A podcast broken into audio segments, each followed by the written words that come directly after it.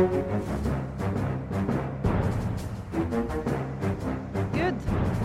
Nei, men eh, Da bare ruller vi på, rett og slett. eh, Og ønsker velkommen til en ny utgave av Aftenpodden. Eh, Jeg heter Lars Klomnes. I dag så har vi med oss Sara Sørheim, kulturredaktør, på plass Hei. i Akersgata. Og så har vi med oss Snorre Valen fra SV. Hallo. Velkommen. Takk for det. Veldig hyggelig å ha deg her. Ja, det er hyggelig å være i studio her igjen nå. Det er eh, ja, for sist, Vi kan, introdusere Trine Eilertsen, som sitter på andre siden av Atlanteren, og andre siden av kontinentet på den andre siden av Atlanteren. Trine Eilertsen, politisk redaktør. Hvor er du nå? Ja. Jeg er i San Francisco, eh, åtte timer etter, det, etter eh, Oslo. Så det er tidlig morgen. Ja. ja, men det er fint. Hva driver du med, egentlig? Nei, Vi er en gjeng fra Skipsted som er her borte for å lære litt om denne her eh, uendelige teknologiske omstillingen vi står i. Og så skal vi knytte det til lederskap. Hva type lederskap er det som eh, må til for å klare disse omstillingene? Det høres ut som studietur. Ja, det er veldig det, det, det, det er utrolig bra, rett og slett. Så jeg må bare Jeg er allerede litt sånn eh, frelst. Ja. Men vi snakker, vi snakker hashtag tech tourism også, da. Det er, dere har Ja, vært ab absolutt. Absolutt. Men eh, Vi har Snorre, gått eh, rundt. ja. Vi følger opp vårt lille vårprosjekt om å hente inn politikere fra hvert parti i forkant av partienes landsmøte. Mm. Så det er SV nå til helgen.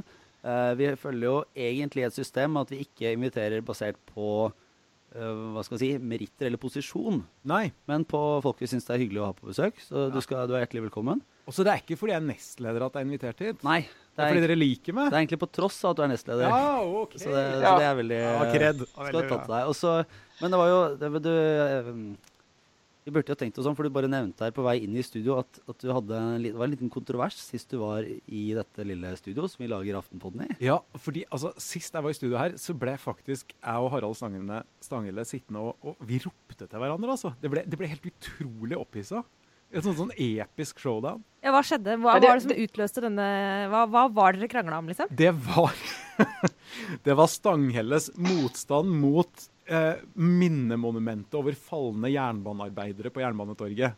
Som Ja, han ja. mente var fæl eh, eh, sånn brutalisme fra Sovjet, og som jeg tok veldig ille opp. Eh, og jeg kan jo ha kommet i skade for å nevne liksom, Aftenpostens historikk eh, innafor det feltet eh, i, i samme slenge. Altså, du hitla oss, rett og slett. eh, jo, men her var det jo på sin plass, da. Nei, her vil jeg bare ta min kollega i forsvar. Vet du, Det monumentet er så heslig. Og Nei, oss det er fantastisk. Nei, skal, vi, er- nei, skal vi begynne Vi igjen, skal, da? jeg tror ikke vi skal eh, Jeg tror ikke vi skal starte på dette. Du har jo vært i mediene siste uka allerede med eh, nazisme i avisa. Altså, Jeg har allerede måttet uh, unnskylde at vi kom i skade for å trykke en arm, et bilde av en arm med tato en tatovering som viste seg å være eh, slagordet til SS.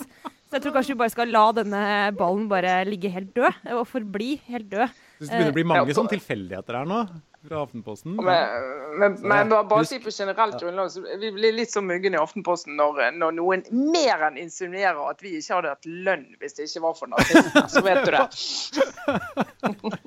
Fram til nå så har du vært på vår sånn likability-liste fra SV. Og så er det Eh, bare rett på vei ned i dass. Ja, ja. Det var synd, men nå sitter du jo her, da, så du får bare gjøre det beste ut tror av bare, det. jeg tror bare får gjennomføre.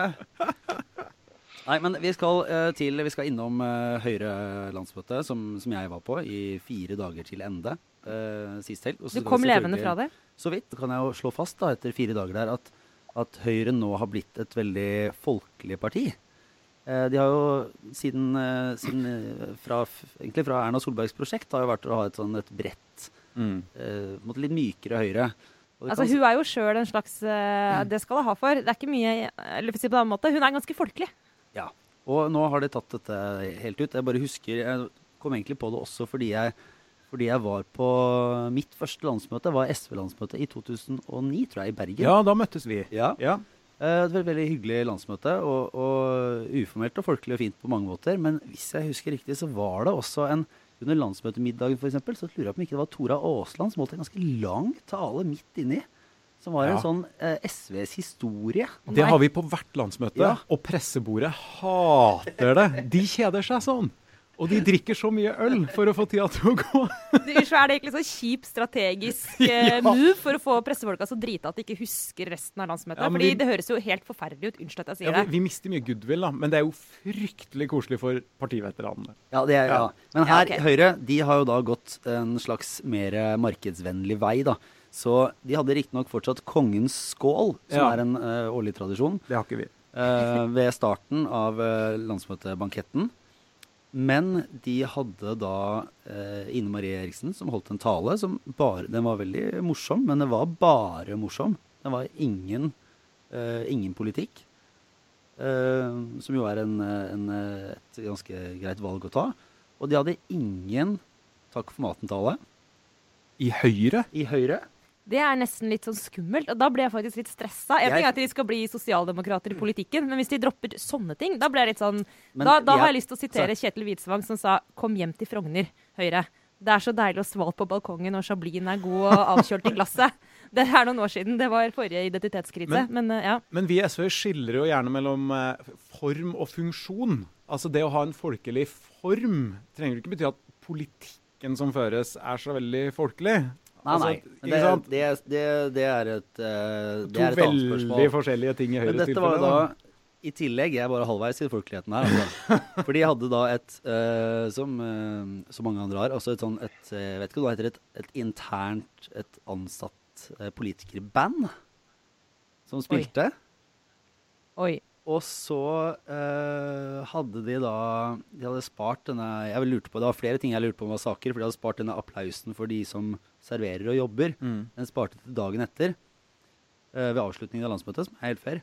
Men det, det tok seg sånn Klimaks var etter landsmøtemiddagen, hvor det hadde vært et band og spilt, og så ut i baren, der alle samlet. Veldig god stemning. Mange, alle måtte, statsrådene var med til eh, drankmat. Men der hadde de da en sånn en pianospiller med synt og litt forskjellige ting, som spilte sånne folkelige festhits.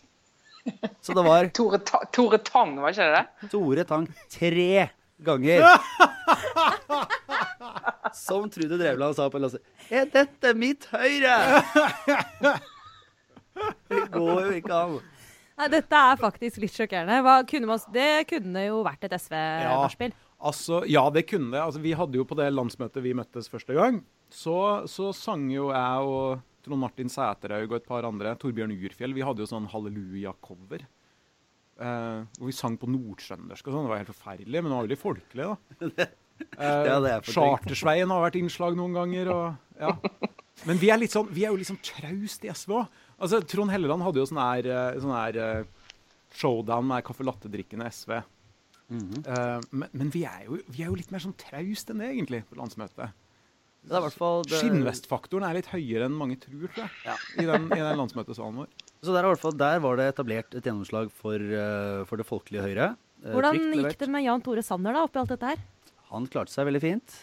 Det var uh, Han uh, jeg, vet, jeg vet ikke om han uh, dro seg inn der, men datteren hans sang i dette bandet. Hun var veldig flink. Mm. Så Nettopp. all ære til det, altså. Det var, og det var hyggelig. Det var en veldig hyggelig bankett, og det skal de ha. De gikk helt for hva er det folk vil like best. Det gjør vi. Ja, men Dette lover jo ikke godt for eh, valgkampen. da, rett og slett for, eh, altså Hvis de har virkelig knekt koden på hva er det folk vil ha, så har jo dere et problem på, på motsatt side. Rå populisme. Ja. Men politisk, Lars. altså de var, Vi eh, hadde litt oppmerksomhet i vår avis blant eh, denne eggdonasjondebatten. Eh, der var det en viss debatt. Men var det andre, var det andre ting som eh, vi må snakke om før vi går videre? Politisk, var det Ja. noe viktig som skjedde? For å oppsummere, eh, eggdonasjonsdebatten ble utsatt til, eh, frustrasjon hos eh, deler av eh, særlig ungdommen i partiet. etter at Erna Solberg gikk på talerstolen og på en måte la sin politiske tyngde bak et sånn utsettelsesforslag da, om at man skal ta det neste år isteden, for å kunne gå gjennom mer de lengre prinsipielle linjene ved eh, bioteknologiutviklingen og eggdonasjon. Så den ble utsatt. Og så hadde de jo en debatt ganske smalt om hvordan man skulle formulere et punkt om skattekutt. Om det skulle være moderate skattekutt eller bare skattekutt. Uh, der fikk de, de fikk de på en måte snakka seg litt sånn sammen, så det ble ikke så veldig, veldig betent. Og så var det en lengre, egentlig litt tøffere fight på forsvarspengebruken. Der det var noen som ville slå fast at man skulle nå et 2 %-mål av eh, BNP i løpet av Dette var, Lars, det, det hører jeg. Det var ikke noen, ikke noen store stridsspørsmål på Høyrelandsmøtet. Nei, og så fikk de, uh, fikk de da et De hadde jo fire dager på seg. så kjedelig. Ulidelig de klarte bare å ja, De bare kjempa seg inn i en sånn derre Ja ja, vi tar det neste gang. Vi venter ti år. Uh, Jeg er veldig lei meg for én ting på det landsmøtet. Det er at de ikke vedtok eh, kulturkanon. Det ble jo skutt rett ned, det forslaget fra Torbjørn Røe Isaksen. Men var det et forslag de skulle ta stilling til på landsmøtet? Det var eh, i hvert fall her det ble godt og grundig skutt ned av Heidi? Nordby Lunde. Det kan jeg ikke svare på på Oh, stående fot. Var det ikke det, Trine? Det skulle opp til uh, avstemning, det? Lene Ja, altså, jeg, var, jeg var jo ikke på landsmøtet, for jeg var jo her. Men eh, jeg så jo at han, han var jo ikke i salen sjøl engang, så da kan, har han jo ikke kjempet veldig hardt for det, i hvert fall. Eh, Men det, det ville ikke jeg heller gjort på det tidspunktet her. Altså, det er jo et eh, Altså, jeg må jo si rent sånn eh, hvis jeg skulle Du er jo for de greiene der. Altså, For og for her. Altså, du, du må tenke litt mer, lang, mer langsiktig enn sånn hva er rett og galt. Altså, det er jo helt, jeg er jo egentlig mot en sånn kulturkanon. Ja, det er personlig. tøft. Det går egentlig ikke an å forsvare det. Men, men som kulturjournalist, for en fest! Altså, det er drømmesaken. Vi elsker lister. Ja. Eh, og en sånn type debatt om det der, som i tillegg toucher borti ganske reelt vanskelige spørsmål om identitet og kultur og utenforskap og Mm. være være norsk og være ikke være norsk. Altså, vi kunne hatt fest på denne saken i årevis. Ja, I vår tid så høres det ut som akkurat det vi hadde trengt. Det å kanalisere alle de sosiale konfliktene der inn i en liste over kunstverk. Altså, det er bare helt ja, Det er kjempegøy. Nei, men, men den eh, skattedebatten er jo uh, interessant, var jo interessant, da, selv om han uh, endte med fred og fordragelighet. OK, du syns det?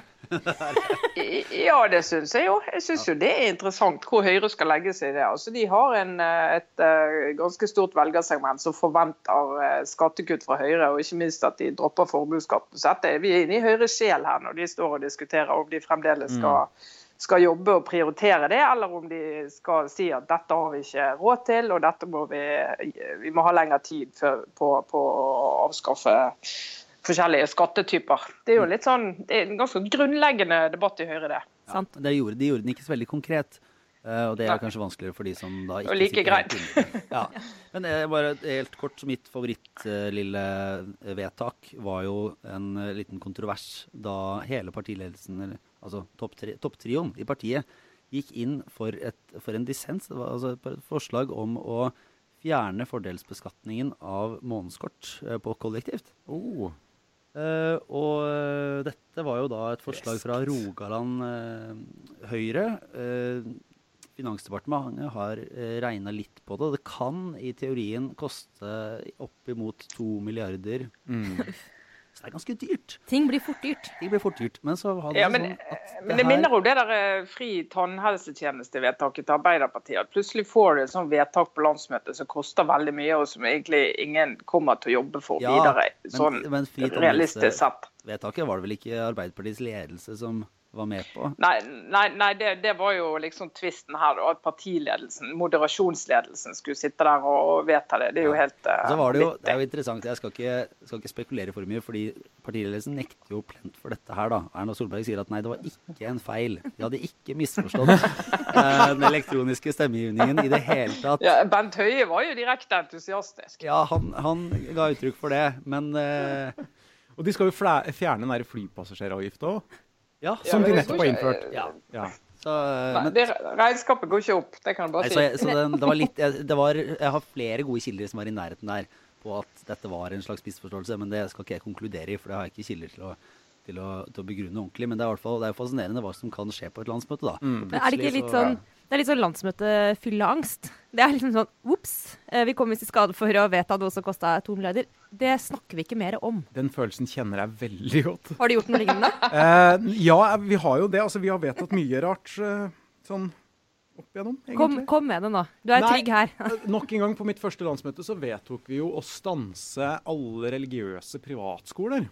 Ja, ja det, var, det, var jeg, det var der. Ja. Ja. Og det fikk ikke ikke sant, Ledelsen hadde jo ikke fått med seg at det her lå på bordet engang, før det plutselig var vedtatt. Og jeg mistenker at for enkelte i partiledelsen var det ganske seint kvelden før. Så, Ja. så de, Det kan jeg bekrefte. de hadde jeg være problemer med å områ seg når journalisten og nå plutselig hadde funnet ut at SV hadde lagt seg på kant med den europeiske menneskerettighetskonvensjonen. Så det tok litt tid å rydde opp i, men det, det ordna seg til slutt, det òg, da. Det var eh, faktisk det var et, det var et, eh, et vakkert øyeblikk, eller og litt, og jeg har veldig medfølelse med, med dyktige Bård Vegar Solhjell, eh, som sto eh, greit å si han var litt sliten etter et veldig hyggelig lag den kvelden før. Igjen, sånn, jeg tror han hadde en blå fløyelsdress. Ja, han, nei, grønn. Grønn? Han, det var landsmøtejakka hans. Han gikk alltid i sånn grønn fløyelsdressjakke. Ja. Jeg tror det er sånn lykkebringende jakke for sånn, for han hadde på seg den da han vant kampvotering om å bli nestleder. Og siden den gang så har han alltid gått med den på landsmøtet.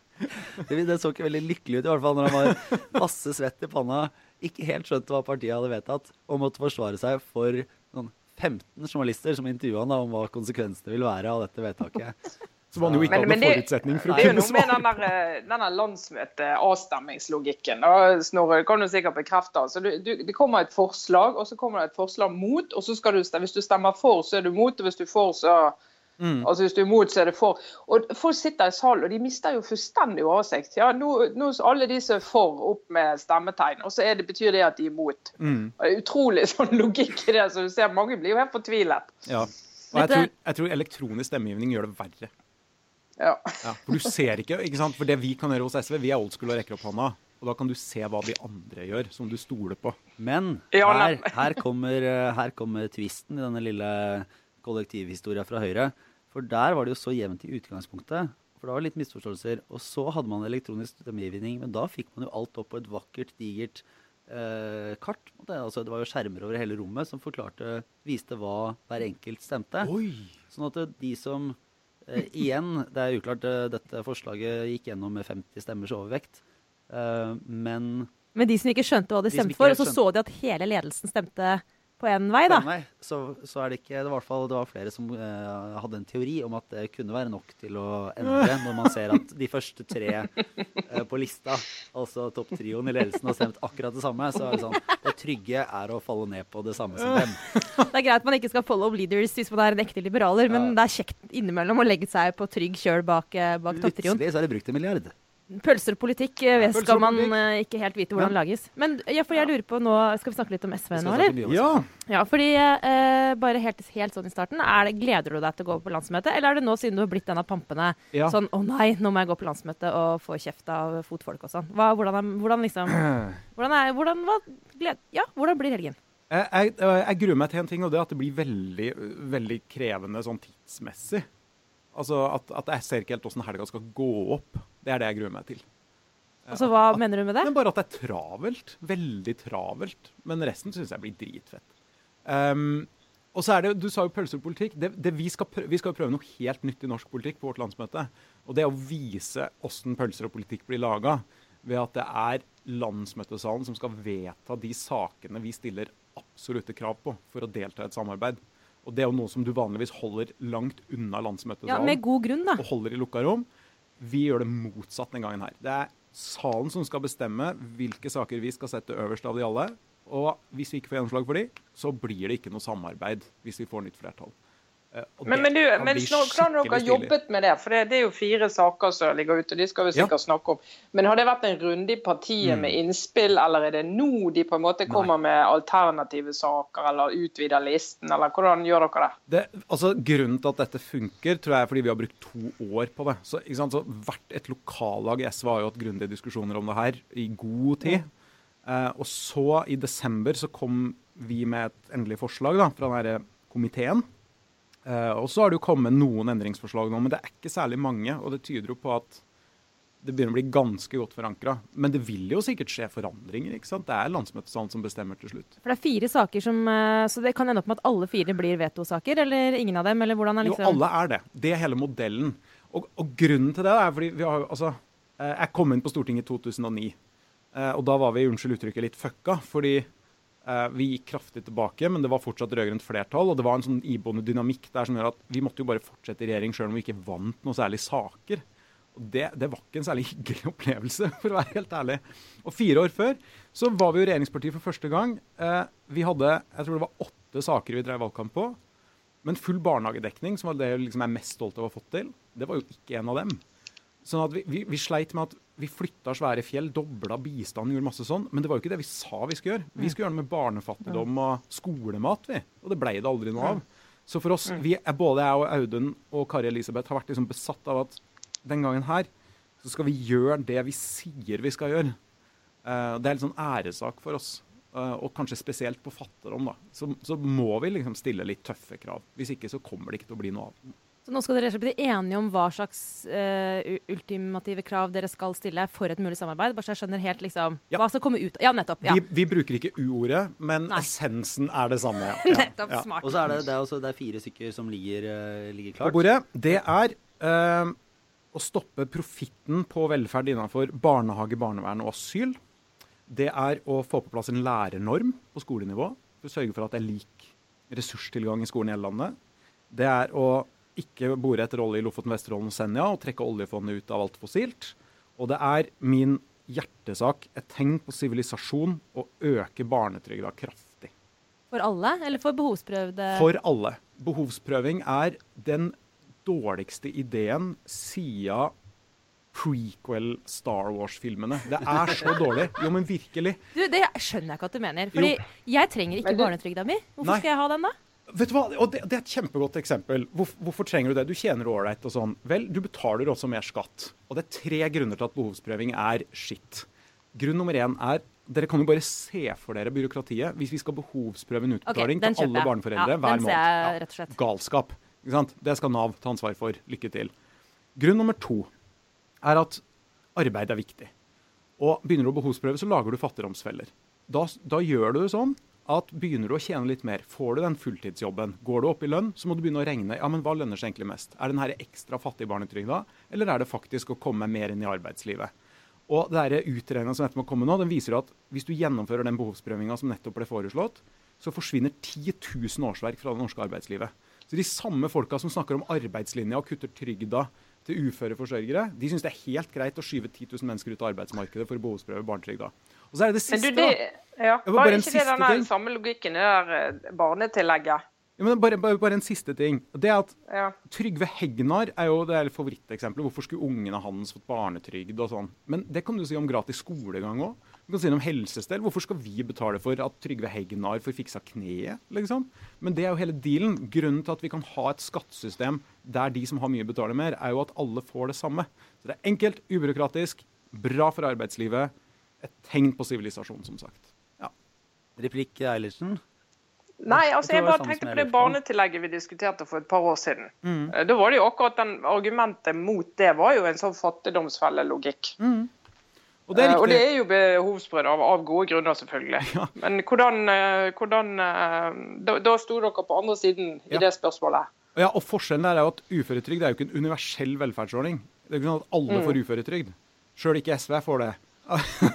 ikke sant? Jeg får ikke uføretrygd, og jeg skal ikke ha det heller. Og, og Man må jo ta utgangspunkt i at uføre får uføretrygd fordi de delvis eller helt ikke kan jobbe. Og Da syns jeg arbeidslinjeargumentasjonen funker litt dårligere. For da baserer jo hele logikken seg på at folk sjøl velger å bli ufør.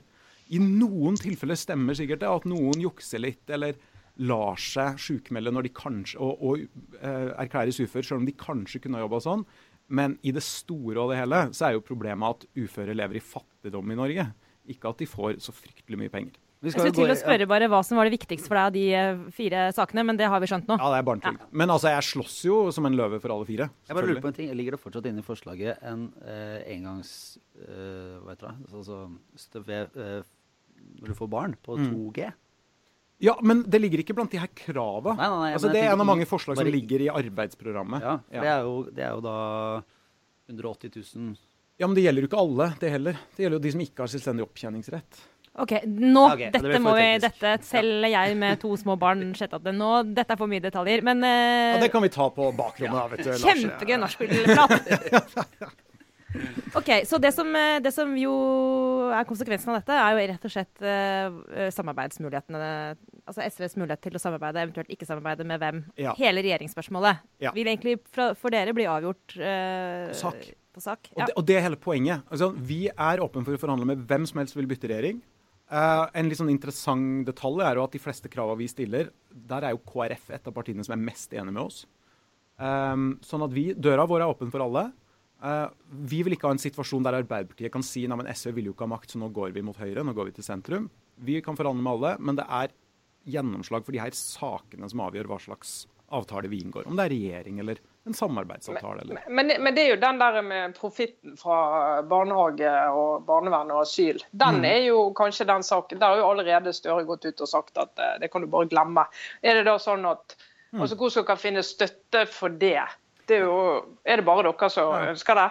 Nei, For det første så uh, har jo ikke Støre helt sagt det. Han har sagt at det er naturlig at folk som har investert kapital i barnehager, får lov til å hente utbytte på det. Det er jeg enig i. Problemet er når du henter penger fra foreldrebetaling og skatteinntekter. I Sverige er det et interessant forslag nå der du setter et tak på utbytte du kan hente fra barnehager, basert på hvor mye penger du faktisk har skutt inn sjøl, og ikke fellesskapet har skutt inn. Det kan være en elegant avgrensning, f.eks. Men for det andre så er jo de kravene vi stiller, stilles av et lite parti, nemlig SV. Men det er jo på vegne av veldig mange flere. Altså Langt inn i Arbeiderpartiet er det jo stor støtte til våre krav. Fagbevegelsen er kjempeopptatt av profitt på velferd. Og innafor barnevern og asyl er det jo lett å gjøre noe med. Det er å få en slutt på anbudene. Og, og, og, mer enn det skal egentlig ikke til for å få løst mye av problemet. Men det er jo når vi ser på, på Arbeiderpartiet i Oslo, så ikke sant, som samarbeider mm. med SV og MDG, og så faller Arbeiderpartiet i Oslo mens de har økt nasjonalt, så har liksom en av forklaringsteoriene på det vært at Arbeiderpartiet har gått for langt til venstre bl.a. på dette området, og at de da vil være redd for å gjøre noe tilsvarende nasjonalt. Det blir for, det blir for rødt for de lilla velgerne. Ja. Vel, altså, det, det, kan hende at det er noe i det, men på en annen side, sist gang Arbeiderpartiet styrte alene uten å ha med SV, så dobla vi oppslutninga vår, mens de gjorde sitt dårligste valg siden 1917. Så eh, jeg tror jo det er en risiko for at Arbeiderpartiet straffes hvis de går for langt til høyre også. Og uansett, mm. det er ikke vårt problem. Altså, Vi vil ha mest mulig gjennomslag for vår politikk, og så får nå Arbeiderpartiet finne ut av hvor de vil. da. Og det virker som de har litt problemer med fortsatt, for å være helt ærlig. Men, har du, men det har jeg lyst til å spørre deg om òg. Mm. Vi har jo, altså det er jo sånn at det er noen eh, SV-ere som alltid er journalister og folk som ikke stemmer SV sine favoritter. Uh, Bård Vegar Solhjell har jo vært en av de som har vært sånn Alle som ikke stemmer SV sin favoritt-SV-er. Ja. ja. Mm. Og du er også en av, innenfor den kategorien der. Det var hyggelig. Ja, og da, Men så skal du jo ikke Du tar jo ikke gjenvalg på Stortinget. Nei. Det er, er, lett å lese, selv om du nå snakker varmt for de sakene du vil ha gjennomslag for og vil at SV skal ha gjennomslag for og sånn. Men mm det går jo an å tolke det at du ikke tar gjenvalg som at du liksom har mista trua. Eh, og så er det jo mange oss syns det er dumt ja. fordi du er sånn gøyal å ha i politikken, men sånn bort fra det ikke tross alt så viktige faktumet, mm. er liksom Hvorfor vil du ikke fortsette? Ja. Det er liksom personlig, og det problemet er at folk har sagt så mange ganger mer tid med familien og sånn, at, at, det har blitt en sånn blødd Du kan ikke si det mer, ikke sant? Men jeg har jo vært politiker siden jeg var 19, sammenhengende. Og jeg tror at, for å være helt ærlig, at en del av de sidene ved meg som gjør at Ja, sånne som du liker meg litt, da. Eh, jeg, jeg, tror ikke jeg klarer å beholde de sidene av meg sjøl hvis jeg skal være sånn sammenhengende i rikspolitikken veldig lenge av gangen. For jeg har knapt gjort noe annet noen gang. Eh, og jeg syns det er veldig sånn sunt tegn at ja, Karianne Tung og Torbjørn Isaksen og Torgeir Micaelsen og meg sjøl eh, tar en pause, for det er jo det vi gjør. Jeg, jeg vil veldig gjerne tilbake på Stortinget igjen. Uh, men jeg er satt sammen på en måte som gjør at jeg har fryktelig lyst til å bo litt hjemme i Trondheim i noen år. Ha en vanlig jobb. Bli litt voksen. Lære litt andre ting. For du er jo fortsatt bare 17-18 år. Ja, jeg er jo det. Så um, Nei, så men, men, så det er helt, sånn... men altså, er, hvis det er sånn Jeg bare tenker eh, det er, Jeg skal ikke uh, bruke deg som eksempel på alle, men jeg bare mm. tenker sånn hvis, eh, nå, altså, det er ikke, nå mener jeg ikke å beskrive deg som en ikke-seriøs politiker, for det er, er du. Men, men jeg mener litt sånn tøy, altså, folk som har litt sånn sprudlende overskudd, eller noen ja. av de andre du nevnte nå, er også innenfor den kategorien. Sånn, og man må bli sånn grå i fjeset maskinpolitiker av å stå i rikspolitikken. Liksom, for jeg tenker det er jo et problem, rett og slett. Jeg, jeg tror det er andre veien. Jeg tror du blir litt grå i fjeset av maskinpolitiker hvis du aldri gjør noe annet noen gang. Og så er det klart at noen må være der. Erna, eh, Knut Arild, Audun, det er ledersjiktet. De som er ledere, de må jo selvfølgelig sitte der hele tida. Men jeg tror det er sunt at en del andre av oss får litt andre erfaringer og møter litt andre folk. Også... Men, du, men du, Snorre, jeg må bare spørre deg, da. For ja. jeg hører jo eh, Torbjørn Røe Isaksen Jeg er sikker på at Torgeir Micaelsen eh, tenker det samme. At ja, nå, nå gir jeg meg på Stortinget, men hvis eh, neste statsminister ringer og spør om jeg vil bli statsråd, nei, da, da ja. skal jeg i hvert fall bo i Oslo. Hva tenker du, altså hvis, du skulle, hvis SV skulle komme i regjering til høsten, og du får den telefonen, skal du fremdeles eh, bli i Trondheim? Nei. Jo, mener jeg. jeg, trodde, ja, jeg trodde du stilte det motsatte spørsmålet. Klassisk feil. Ja. Shit, nå røyk hele Avslørt. Det var den troverdigheten. Ja. Nei, jeg, for jeg syns det er liksom corny å si nei, nei, jeg vil hjem, og nå vil jeg ha liksom, tid til andre ting og sånn. Og så, og så ringer statsministeren og sier bli statsråd, og så yes. Så nei, jeg, jeg, kommer ikke til å være statsråd i en ny regjering der SV er med. Uh, nå etter valget. Ja, da blir du i hvert fall grå i fjeset hvis du gjør det, så det kan du jo tenke på. ja, altså jeg skal, jeg skal, hjem nå, og så skal jeg gjøre noe annet. Men jeg skal jo fortsette som nestleder i SV. Så jeg kommer til å sitte som sånn veldig ung syvende far i huset og være sur i Trondheim og Eh, pirke på Bor ledelsen. ikke du i nærheten av Ola Borten det skulle, Moe? det Ja. det jeg skulle si. Jeg å sitte, Dere to kommer til å sitte der oppe. Jeg tror han tulla, men han ga meg sånn tilbud om provisjon per felt i Lofoten er for åpna. Nyansatt i Okea i Trondheim. Vi blir sånn her nestledergjeng som bare wreak havoc fra Trondheim. Ja. Nei, men du, jeg må si, du, Det høres ut som du mener det her, faktisk. Det høres ikke ut som en sånn eh, Talepunkt? Nei, det høres ikke ut som et talepunkt. Nei, så bra. Men um, Det er fascinerende, da. Og så er jeg merker at jeg blir litt Jeg har ikke helt uh, historikken inne, for det er jo mange det var jo mange politikere også tidligere som var inne, altså som kom inn unge og så gikk ut. Og så har man bare Ja, man har glemt det, da, fordi de, de er ikke i politikken lenger.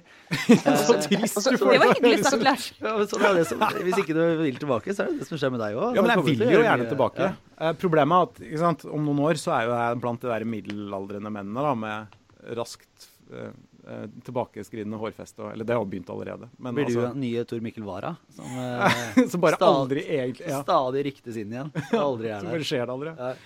Eh, nei, Uh, motsatt. Altså, nå, nå har vi jo nominert en, en halvt brite for andre gang da, i Akershus SV, og sist var jo Paul Shaffi. Det gikk jo også Ja, altså, vi løper bra. jo litt sånn risiko på flere måter, egentlig. Med, ja. Ok, Men du har trua? Vi, du, i hvert fall sier vi kommer til å gå fram. Ja. Jeg, jeg kan si det her nå, vi kommer til å gå fram. Uh, vi har tidenes medlemsvekst. Flere medlemmer enn på ti år. Vi gjør det bedre på målingene. Og, og det tror jeg folk merker på også, at nå har vi en plan og en strategi og veit hva vi skal. Og det gjorde vi ikke for to-tre år siden. ikke sant? Så da, vi har bare trengt en god del tid på å liksom finne, finne ut hva er det vi skal gjøre nå. Og det er egentlig en god følelse. Vi skal fortsette etter hvert med en liten obligatorisk refleksjonsrunde. Men bare kort eh, Hva er det som er Blir det noen konflikter på dette landsmøtet? Er det noe man kommer Ja. til Please si ja, please si Ja, ja. ja, det gjør det. liksom, Hvilke temaer er det som er mest eh, Ja, det er et tema som gjør at jeg begynner å svette og, og har problemer med å sove. Og det er et sånn her oljepengeopprør i egne rekker, som jeg har som mål å, å bekjempe da, i løpet av landsmøtet. Hva, er, hva slags opprør er det? Nei, ja, Folk som vil bruke mye mer oljepenger for å bygge infrastruktur og jernbane og sånn. Og det er jeg forferdelig mye imot. Altså ikke bygge jernbane og sånn, men å bruke mer oljepenger for å få det til. Det er vel ikke deg imot det, Trine? Og da- At han tar den kampen, mener jeg? Nei, men det, det er Jeg syns alle partier har jo en sånn fløy. Eh, og de eh, vinner jo, har jo vunnet frem sterkere og sterkere, de, så det er kjempebra at eh, ansvarligheten siver inn i alle ledd. Og det her handler vel så mye, For meg så handler det vel så mye om fordeling. For det er med at politikk har mye større effekt hvis du prioriterer vekk noe for å gjøre noe annet. Uh, ta en titt på liksom, Gardermoen, nye terminalen her, det ser ut som Dubai. Ikke sant? Vi mangler jo ikke penger i landet her. Det er bare at de havner feil sted. De havner i overprisa bygårder i Oslo istedenfor nye arbeidsplasser på Vestlandet. Og Hvis du bare pøser inn mer oljepenger for å løse alt, så har du jo egentlig ikke drevet politikk. Og du har i hvert fall ikke drevet noe omfordeling. Så det er mulig å kritisere oljepengetilhengerne fra venstre, er min erfaring. Og det har jeg jo tenkt å Men, gjøre. da. men, jeg, men jeg tror jo det at hvis du kan være troverdig som parti og politiker de neste fem, seks, syv, ti, 15 årene, og ikke snakke om reell prioritering, Ja. det går ikke an. Helt enig. Du er, nødt, du er nødt til å gjøre det. Mm. Dette er interessant i forhold til um, Tina Bru, som var her i forrige uke. Hun var også inne på litt av det samme. Ja. Hun snakka om at uh, det er en slags akse gjennom politikken da, som går nettopp på det med en uh, Altså jo, uh, vi, hva skal vi gjøre med pengebruken? Mm. Eh, hvor mye skal vi snevre den inn? Eh, ansvarlig pengebruk versus vi må bruke Mm. penga mens vi har dem. Eh, som egentlig bryter med hele høyre-venstre-aksen. Som er egentlig liksom Ja. ny, ny linje. Altså det, Men du kan si at den vitaliserer høyre-venstre-aksen nå. fordi det er jo, jo men den, du finner den igjen på begge sider. da. Ikke at? Du finner den i Høyre og du finner den i SV. Men det vil føre til tydeligere motsetninger i politikken. Mer reelle motsetninger. fordi det vil bety at Tina Bru da kommer til å drive valgkamp på at jeg vil bruke mindre penger, og det betyr at disse velferdsordningene vil jeg kutte i. Mens jeg kommer til å si jeg vil øke disse skattene, og det må faktisk til. Og Det vi har hatt nå i mange år, er jo politikere som kan la være å gjøre noen av delene, og bare smøre med enda mer oljepenger. Ja, det er et godt poeng. Det kan, det, da skjønner jeg hva du mener med at det kan revitalisere Ja. hele den politiske debatten. For da er man enig om målet, men man diskuterer middelet. Ja, Faktisk reell uenighet om hva du skal prioritere, istedenfor å klasje på. Det kommer til å gjøre det. Trine, du, hadde egentlig, du skulle egentlig ha stukket av eh, allerede. Ja, ja jeg, jeg blir rett og slett så fascinert, så nå er det noen som venter på meg. Så jeg er Ja, er nødt til å skli ut. Men, eh, Men, eh, hadde du noen obligatorisk refleksjon du ville ta med? Eller? Ja, ja, vet du hva, jeg kan ta med en liten obligatorisk refleksjon nå når jeg er her borte i The Valley, som de, The Local sier. da, Silicon Valley, som ikke er en valley, men som er ja, det er noe område. Nei, altså, vi, vi snakker om omstilling av Norge, og vi må ha mer gründere og vi må ha arbeidsplasser på Vestlandet og overalt. Eh, og her borte så eh, forteller de sant? det er 450 000 sånne såkalte startups-gründere i året som får en slags finansiering. Bitte litt grann finansiering. Og her snakker vi jo ikke Innovasjon Norge, for å si det sånn, men private penger. Og, og av de så er det sånn 1 som lykkes.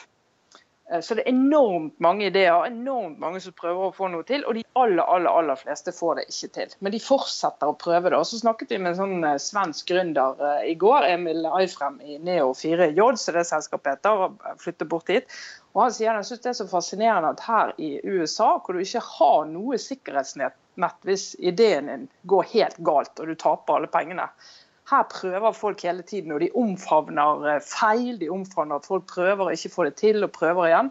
Mens i Skandinavia, der vi har det sikkerhetsnettet, der er folk livredde for å gjøre feil og utrolig trygghetssøkende. og Våger ikke å satse tid og penger på å starte opp nye virksomheter. Og Det er sånn paradoks. og Det er ikke bare Skandinavia, det er Europa. og Jeg snakket med en av de eh, spanske som eh, er med oss her. Og Han sa det, han hadde vært med på en sånn startup som gikk galt. Og det ødela på en måte yrke, ryktet hans i arbeidslivet. For da var han en som hadde mislykkes. Mm. Så hadde han liksom jobbet i mange år med å bygge opp ryktet sitt igjen. Og det er liksom noe med Europa og Skandinavia som Den kulturen det, det, går bare ikke an i den omstillingen vi er i nå. Så det må, vi, det må vi endre på. Jeg aner ikke hvordan vi skal gjøre det, men det er veldig sånn erkjennelse av at der har vi en tung kultur som det er interessant, ja, det er interessant refleksjon. Det, er, det skulle jo vært omvendt. Jeg tror det er mulig å kjøre en liten debatt der òg. Men er det, er det der kanskje nese av den protestantiske arbeidsetikken i Europa, liksom? Kan det være det? At det ja, skal være nøysomt ja, det og ordentlig? det kan og godt være det, og at, at vi ikke liker sånn ta masse risiko og satse alt du har. Men, ja. Altså, Idar Vollvik er jo ikke veldig populær.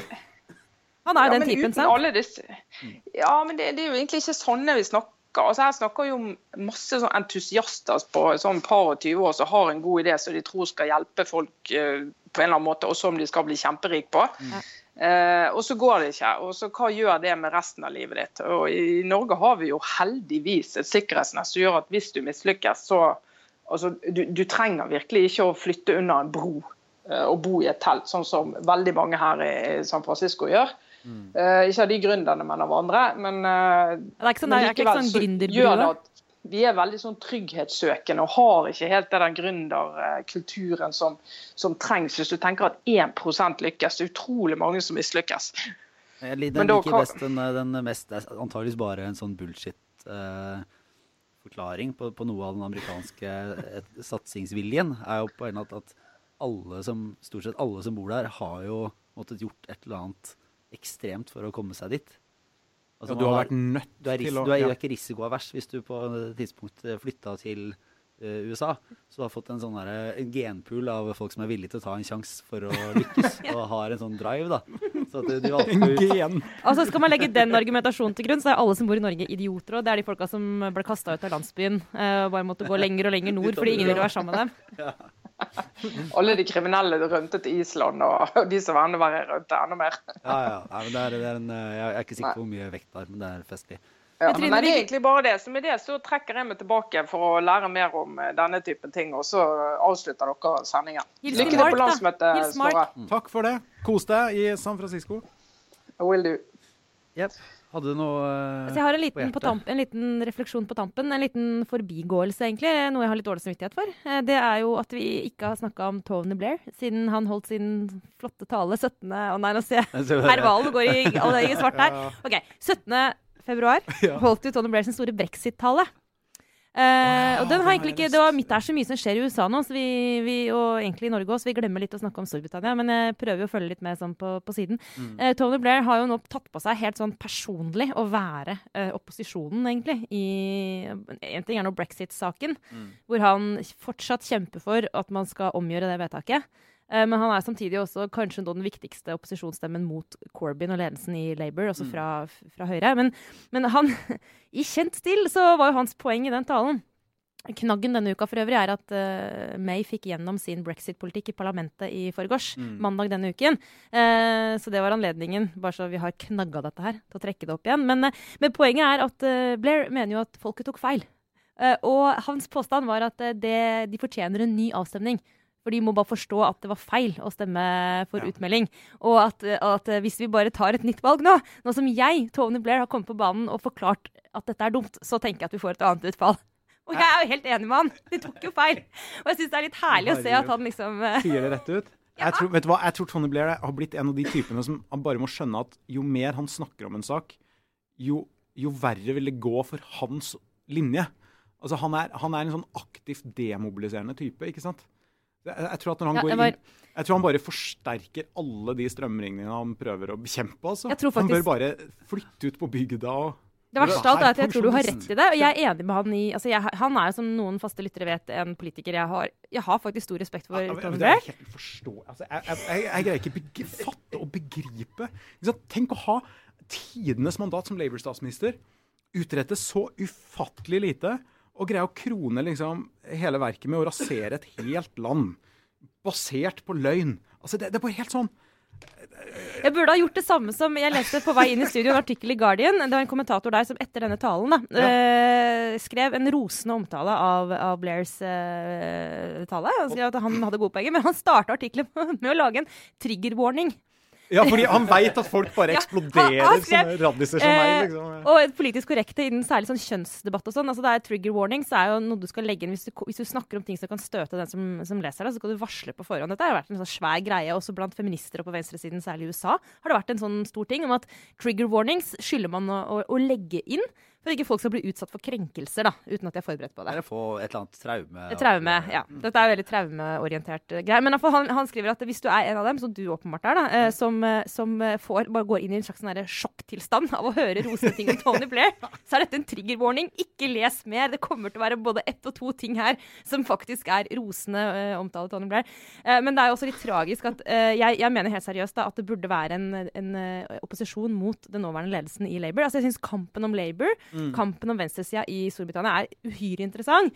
Og uansett hvilken side man står på, så er det jo bare litt sånn Jeg syns det er dumt at, fortsatt, at det er fortsatt liksom Tony Blair og Osborne og Milliband og det er de gamle gutta der som fortsatt er liksom mm. opposisjonen til Corbyn. At det ikke har kommet en, en uh, ny stemme på venstresiden der som, som da nå avslører jeg hva jeg mener, men jeg mener at det burde vært en modernisert politikk for venstresida i Storbritannia. men tror du ikke det skyldes at det kommer ikke nedenfra? Altså jeg, jeg, og jeg må innrømme, jeg er ikke noen stor Corbyn-fan sjøl. Det er jo mange av mine partifeller og folk i Arbeiderpartiet som er. Jeg, jeg, har egentlig aldri vært det. og Det har litt med liksom ulike standpunkter han har i politiske saker jeg er uenig med ham i, men, men, også at en type som Bernie Sanders, da, som er liksom, mye eldre og skikkelig gammel og sur, egentlig, klarer likevel å ha en så mye mer sånn åpen oppriktig nytenkende, radikal tilnærming til en del ting, syns jeg, enn det Corbyn har greid. Og, og Sjøl om han ligger noe vel så langt til venstre i mange økonomiske spørsmål, um, så jeg tror vel at Grunnen til at vi ikke har en sånn her ny, vital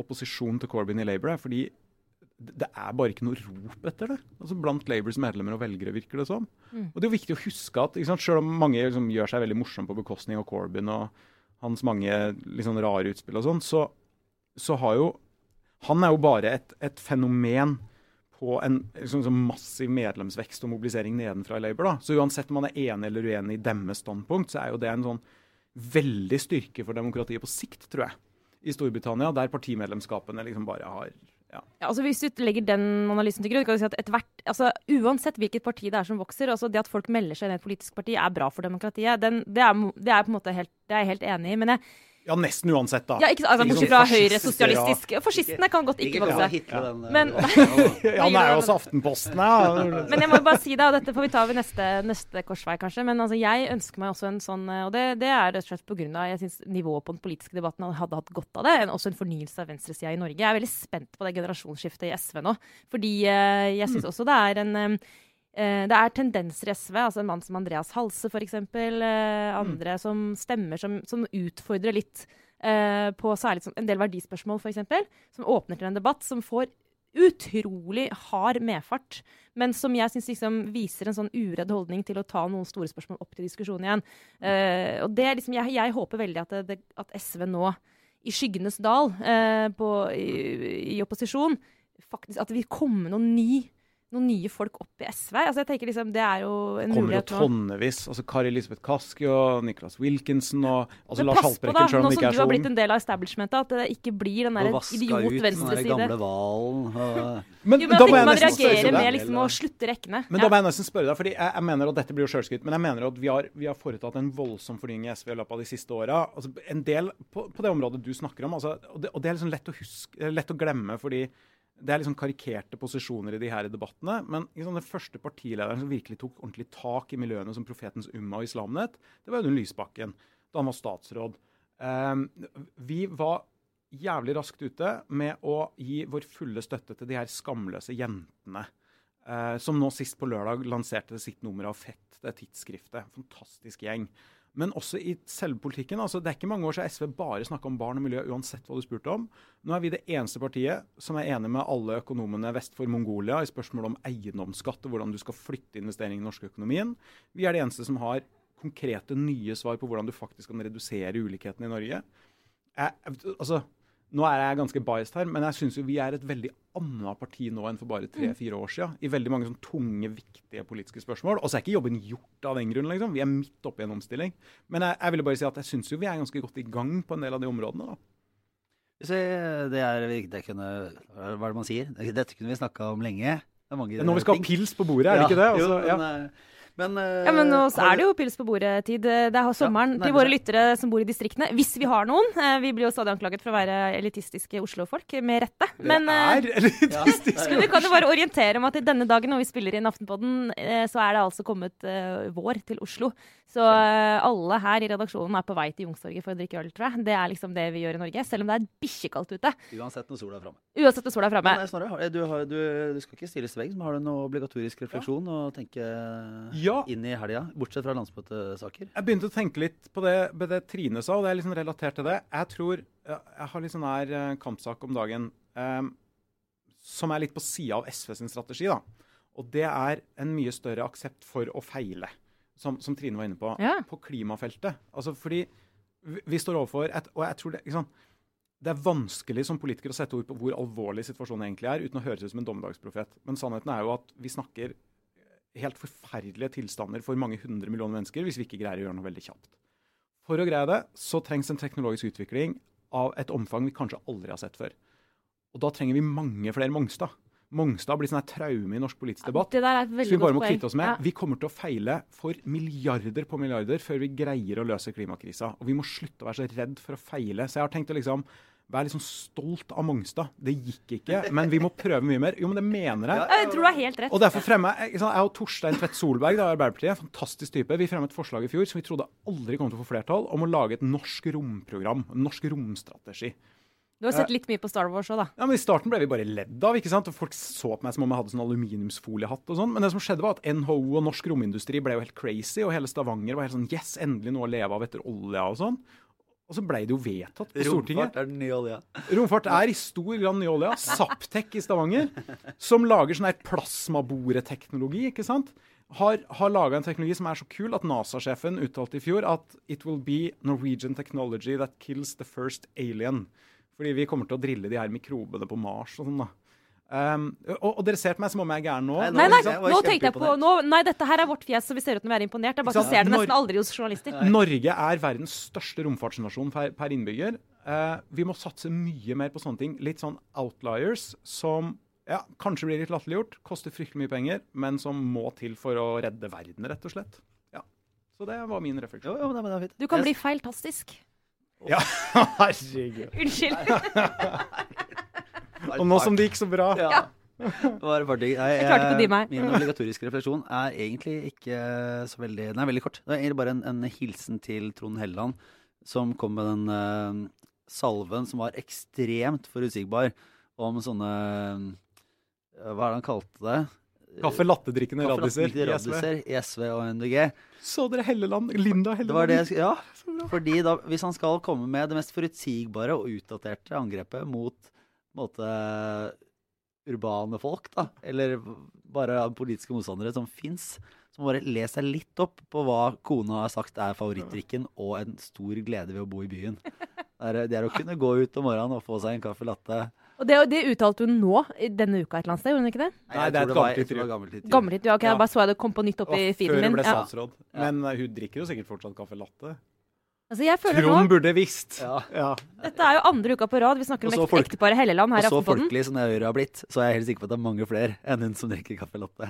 Men er ikke caffè latte litt sånn folkelig drikk i Norge, da? Jo, er serveres jo kaffe latte absolutt overalt. Det er jo ikke noe sånn byfenomen, det. Altså det alle, Jeg bor eh, over en av Oslos hippeste kaffebarer, og det er håndbrygg som gjelder.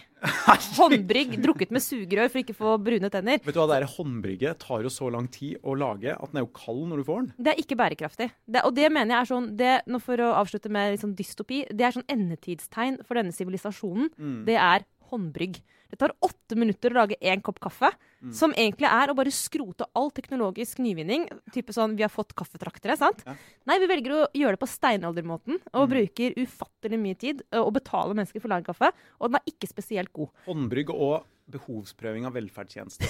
Det er liksom dekadansens fremste Det er jo en måte når du får når arbeidslivet blir så effektivisert at du får masse overskudd på arbeidskraft. Så må du liksom ta tilbake til en sånn preindustriell alder, der man nå istedenfor industri har, eh, har sånn brygging av, eh, av håndbrygget kaffe. Jeg vet ikke om jeg skal le engang. For det er liksom, det er jo, det, altså, den derre delingsøkonomien er jo akkurat det. Ja. Nei, nå må vi rett og slett Vi må, eh, vi må vi for surrer denne oss ut i sivilisasjonens undergang her. Så- Takk for at du kom til oss her i kjempehyggelig. Ja. Mye hyggeligere enn sist jeg var her i rommet. Ja, Ja. Det, vi det har vært veldig få anklager om nazisme. Ja, det var et par, da. Eh, Ja, men Ja. det er få sammenligna med sist. Ja. Så vi takker for oss, Ståre Valen. Trine Eilertsen var i San Francisco. Eh, Sara Sørheim og jeg, Lars Lomnes, var her. Eh, vi har eh, Facebook-siden vår, som folk kan eh, gå inn på og få lenker til diverse ting vi syns er interessant. Så kan man fortsatt abonnere på Aftenposten. Der har vi et sånt prøveting for å vise at vi kan tjene penger, så vi kan fortsette med dette her. Ja, Please gjør det, så vi tjener litt penger. Fordi fram til nå så er det bare et minusprosjekt. Eh, Så det er aftenposten.no slash podden. Da får man et eh, godt tilbud, er jeg helt sikker på. Ta et råd fra en SV-er. Dere må aldri trygle om hjelp. Der, eh, Jeg vil aldri gjøre det. Nei. Jeg fikk faktisk kritikk fra en eh, lytter som mente at vi var altfor defensive når vi snakket om abonnementet. Ja, vi synes det er så ubehagelig. Neste uke skal vi øve oss på å si det på sånn kul amerikansk måte. Men Ja. det blir ikke denne uken. Nei. Så, Subscribe now! ja. Eh, takk for denne gang, og god helg. Ha det bra.